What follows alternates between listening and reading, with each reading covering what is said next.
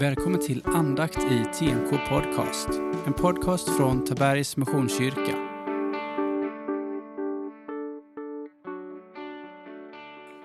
Gamla och Nya Testamentet. Vi läser från Johannes evangeliet 12, verserna 12 till 19. Nästa dag, när de många som hade kommit till högtiden fick höra att Jesus var på väg till Jerusalem, tog de palmkvistar och gick ut för att möta honom.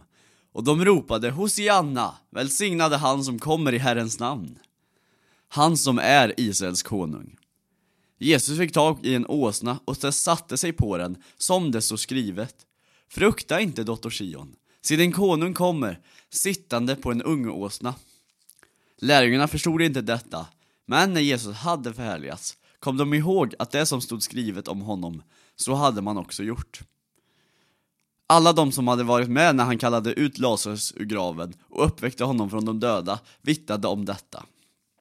När folket hörde detta och att han hade gjort detta tecken drog de ut för att möta honom.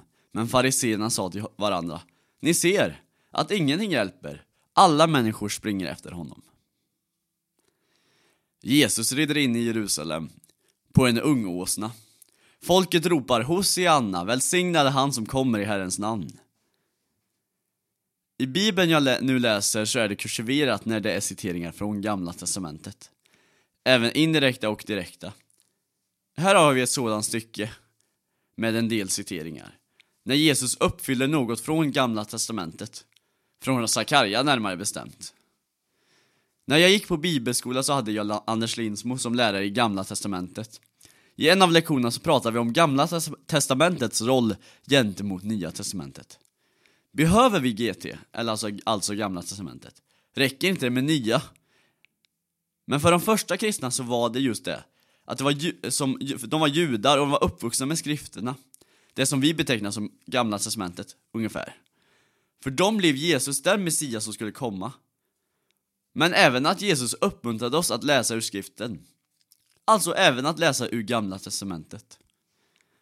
Efter att Jesus hade dött och uppstått så möter han två lärjungar på väg till Emmaus. När de börjar prata om vad som hänt i Jerusalem och att Jesus hade dött så börjar att Jesus att undervisa dem. Om att Messia måste lida och dö. Och med utgång från Mose berättar han om sig själv och allt det som ska komma. Vi kan läsa i Gamla Testamentet i ljuset av Messias att när man läser Gamla Testamentet så har man med sig Guds frälsningsplan att han själv valde att sända sin son till världen för att rädda den. Och att Gamla Testamentets berättelse leder fram till det. Att allt det som står till slut får sitt mål i Jesus. Att Jesus blir kulmen av Gamla Testamentets profier, profetior, av hela skriften helt enkelt. Men ibland kan vi likt den etiopiska hovmannen i Apostlagärningarna 9 få hjälp med att tolka Gamla Testamentet. Han säger, hur ska jag kunna förstå utan att någon tolkar för mig? Jag tänker att det kan vara att fråga människor som har koll på gamla testamentets struktur och språk.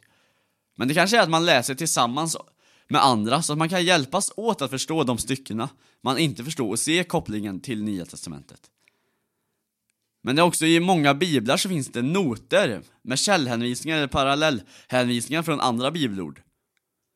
Det kan vara ett sätt att få, få se hur bibeln kommer samman, att få se hur bibeln hör ihop. Att kunna se den större bilden, att se att både gamla testamentet och nya testamentet hör ihop, att det är en helhet. Och att den röda tråden är till slut att Jesus kommer som Guds son för att rädda världen. Vi ber. Jesus, hjälp oss att förstå ditt ord idag. Hjälp oss att se dig i Bibeln och i våra egna liv.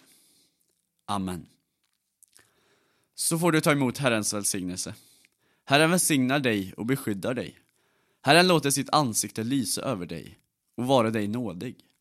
Herren vänder sitt ansikte till dig och ger dig av sin frid. I Faderns och Sonens och den heliga Andens namn. Amen. Och till dagens utmaning så kan du fundera på om det finns ja, men olika sätt som du just idag kan försöka se den större bilden av någonting. Precis som gamla testamentet och nya testamentet, att få se större bi del, ja, bilden av bibeln, så kan du se större bilden på många olika saker.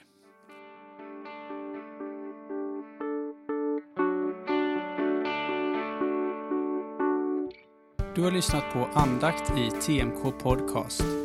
En podcast från Tabergs Missionskyrka.